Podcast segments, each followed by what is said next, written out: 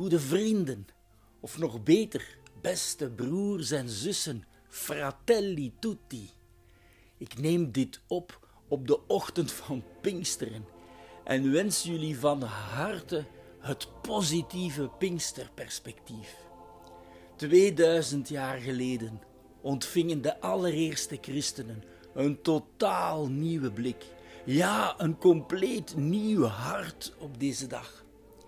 Die niet alleen henzelf, maar de hele wereld veranderde. Over die dag en over die Heilige Geest die doorbrak in hun leven, wil ik jullie kort iets vertellen. Ik kan jullie nu al verklappen dat het sindsdien blijft gebeuren, doorheen de hele geschiedenis tot op de dag van vandaag. Mensen bij wie de geest alles nieuw maakt. Wie weet zal ook jij vandaag proeven van dat geluk. Zet dus opnieuw de deur open, wagenwijd of op een kiertje, en zeg met mij: Veni Sancte Spiritus. Kom, Heilige Geest. Oké, ook vandaag drie vragen, zodat we weten wat er kan gebeuren. Wie of wat is die Heilige Geest? Waarom zou ik die willen in mijn leven? En hoe kan ik hem binnenlaten? Oké, de eerste vraag. Wie is dan die Heilige Geest? Wel, soms vraag je je af wat iemand toch bezielt. Vaak gaat het dan over iemand die iets heel slecht gedaan heeft, stom is geweest of gevaarlijk deed. Oh my God, wat bezielde jou om die deur dicht te slaan, om die ander te kwetsen of om weg te vluchten in plaats van te helpen. Maar het kan ook omgekeerd. Stel je voor dat iemand je vraagt: Oh my God, wat bezielde jou om zo goed, zo vriendelijk, zo geduldig, zo beheerst, zo trouw, zo zacht, zo vreugdevol, zo vredevol, zo liefdevol te zijn. Wat je op zo'n moment bezielt, dat is de Heilige Geest. Wat ik net opsomde zijn de negen vruchten die Paulus opschreef in zijn brief aan de Galaten, hoofdstuk 5, vers 22. Oké, dan weten we wat die geest voortbrengt. Maar wie of wat is hij precies? Bij elk kruisteken wordt dat duidelijk. Wij zeggen in de naam van de Vader die de wereld zo heeft liefgehad dat hij zijn zoon heeft gezonden helemaal naar beneden, zodat wij samengebracht worden in de Heilige Geest die de liefde van God, Vader en Zoon is, die werd uitgestort in onze harten. Romeinen hoofdstuk 5, vers 5. Dat doet mij denken aan iets dat Katrien, mijn vrouw, die bejaardenhelpster is, heeft meegemaakt. Een oude mevrouw was heel bedroefd omdat ze haar arm niet meer kon opheffen en dus zelfs geen kruisteken meer kon maken. Ze dacht dat ze op die manier onmogelijk nog kon bidden.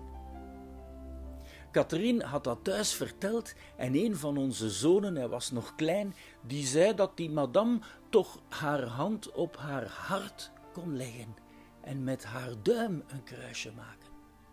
Katrien stelde dat de volgende dag voor aan die mevrouw die tranen in haar ogen had, omdat ze toch een kruisteken kon maken en opnieuw kon bidden. Een simpel voorbeeld, maar het is bijzonder sterk, want het kruis is het teken van onze God die met ons wil zijn, veel dichter dan wij beseffen.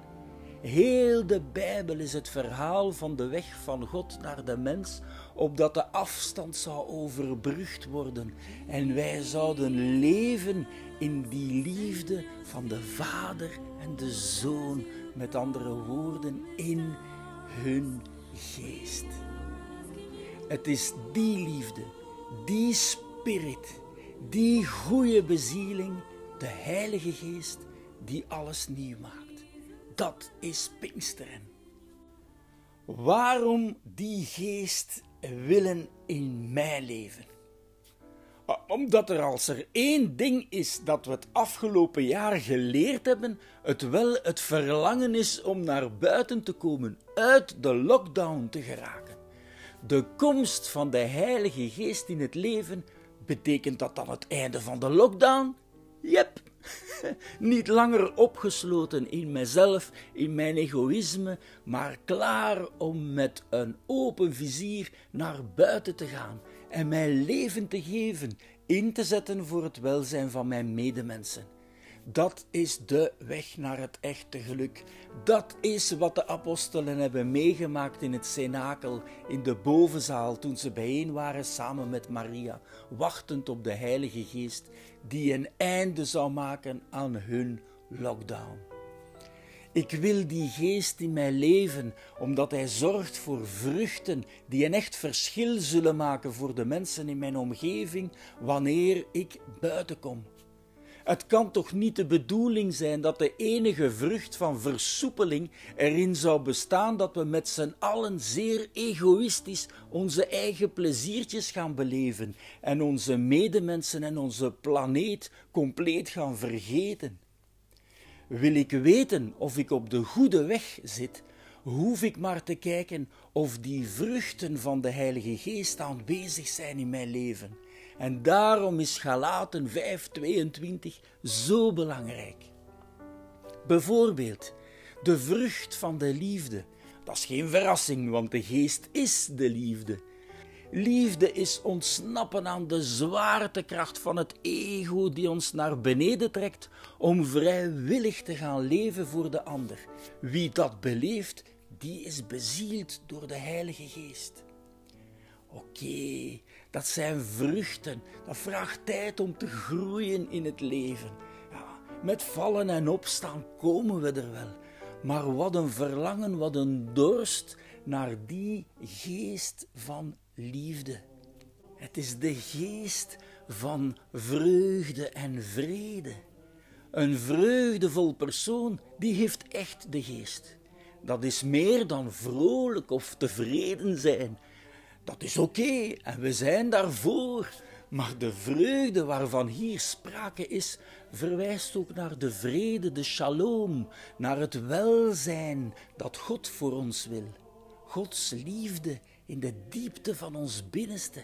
Dat geeft je een vrede, een harmonie, een sereniteit die bestand is tegen alle omstandigheden van het leven, of je nu succesvol bent of niet. Ik heb ontdekt dat er in mijn leven inderdaad een constante stroom van vreugde stroomt, op de bodem van mijn hart. Zelfs op de dagen dat ik mij niet goed voel, en wees gerust, die zijn er ook, maar die stroom van vrede en vreugde, die is er altijd. En dat is de vrucht van de Heilige Geest die Paulus bedoelt. Hij spreekt over de geest van geduld. Als je de geest van de liefde volgt, dan zie je de andere persoon als een kans om lief te hebben. Ze staan niet in de weg, maar zijn misschien op je weg geplaatst als een kans om lief te hebben. Denk eraan wanneer je ochtends wakker wordt. Wat is je houding dan?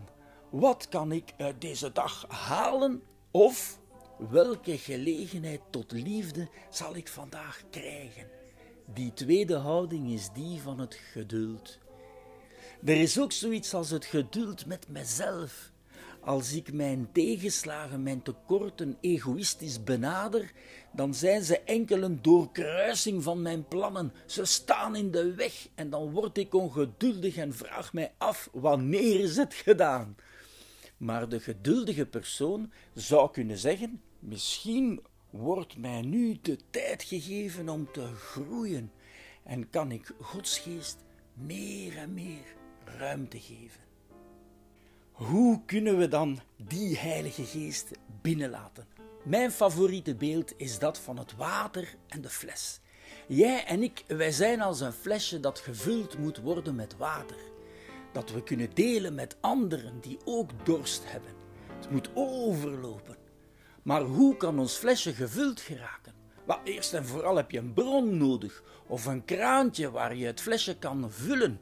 Vervolgens moet je dat flesje onder die kraan of bij die bron krijgen, zodat het water in de fles kan lopen. Toch gemakkelijk? Zoek de juiste plaats en vul maar. Oh, je moet natuurlijk de fles openen. Als je de fles niet opent, kan er weinig inlopen. Maar ja, je bent vrij. Wil je Gods geest ontvangen of niet? Over die plaatsen waar je fles gevuld kan worden, daar hebben we het later nog eens over. Nu laat het volstaan om de raad te volgen van een zekere pater Hebsburg, voormalig directeur van de Notre Dame University. Die zei: Hier is een gebed dat altijd werkt, wat er ook gaande is in je leven. Succes of niet, jong of oud, gezond of ziek, waar je ook bent, dit gebed werkt altijd. Het is als een trechter die je op je fles zet. Wat zou dat zijn? Wel, Veni Sancte Spiritus. Kom, Heilige Geest. Het werkt en het is de enige manier om de geest te krijgen. De geest waait waar hij wil. Je kan hem niet onder controle krijgen. Je moet hem gewoon vragen. Kom, Heilige Geest, kom, vernieuw mijn hart. Kom, Heilige Geest, vervul de harten van uw gelovigen en ontsteek in het vuur van uw liefde. Zend uw geest uit en alles zal herschapen worden en gij zult het aanschijn van de aarde vernieuwen.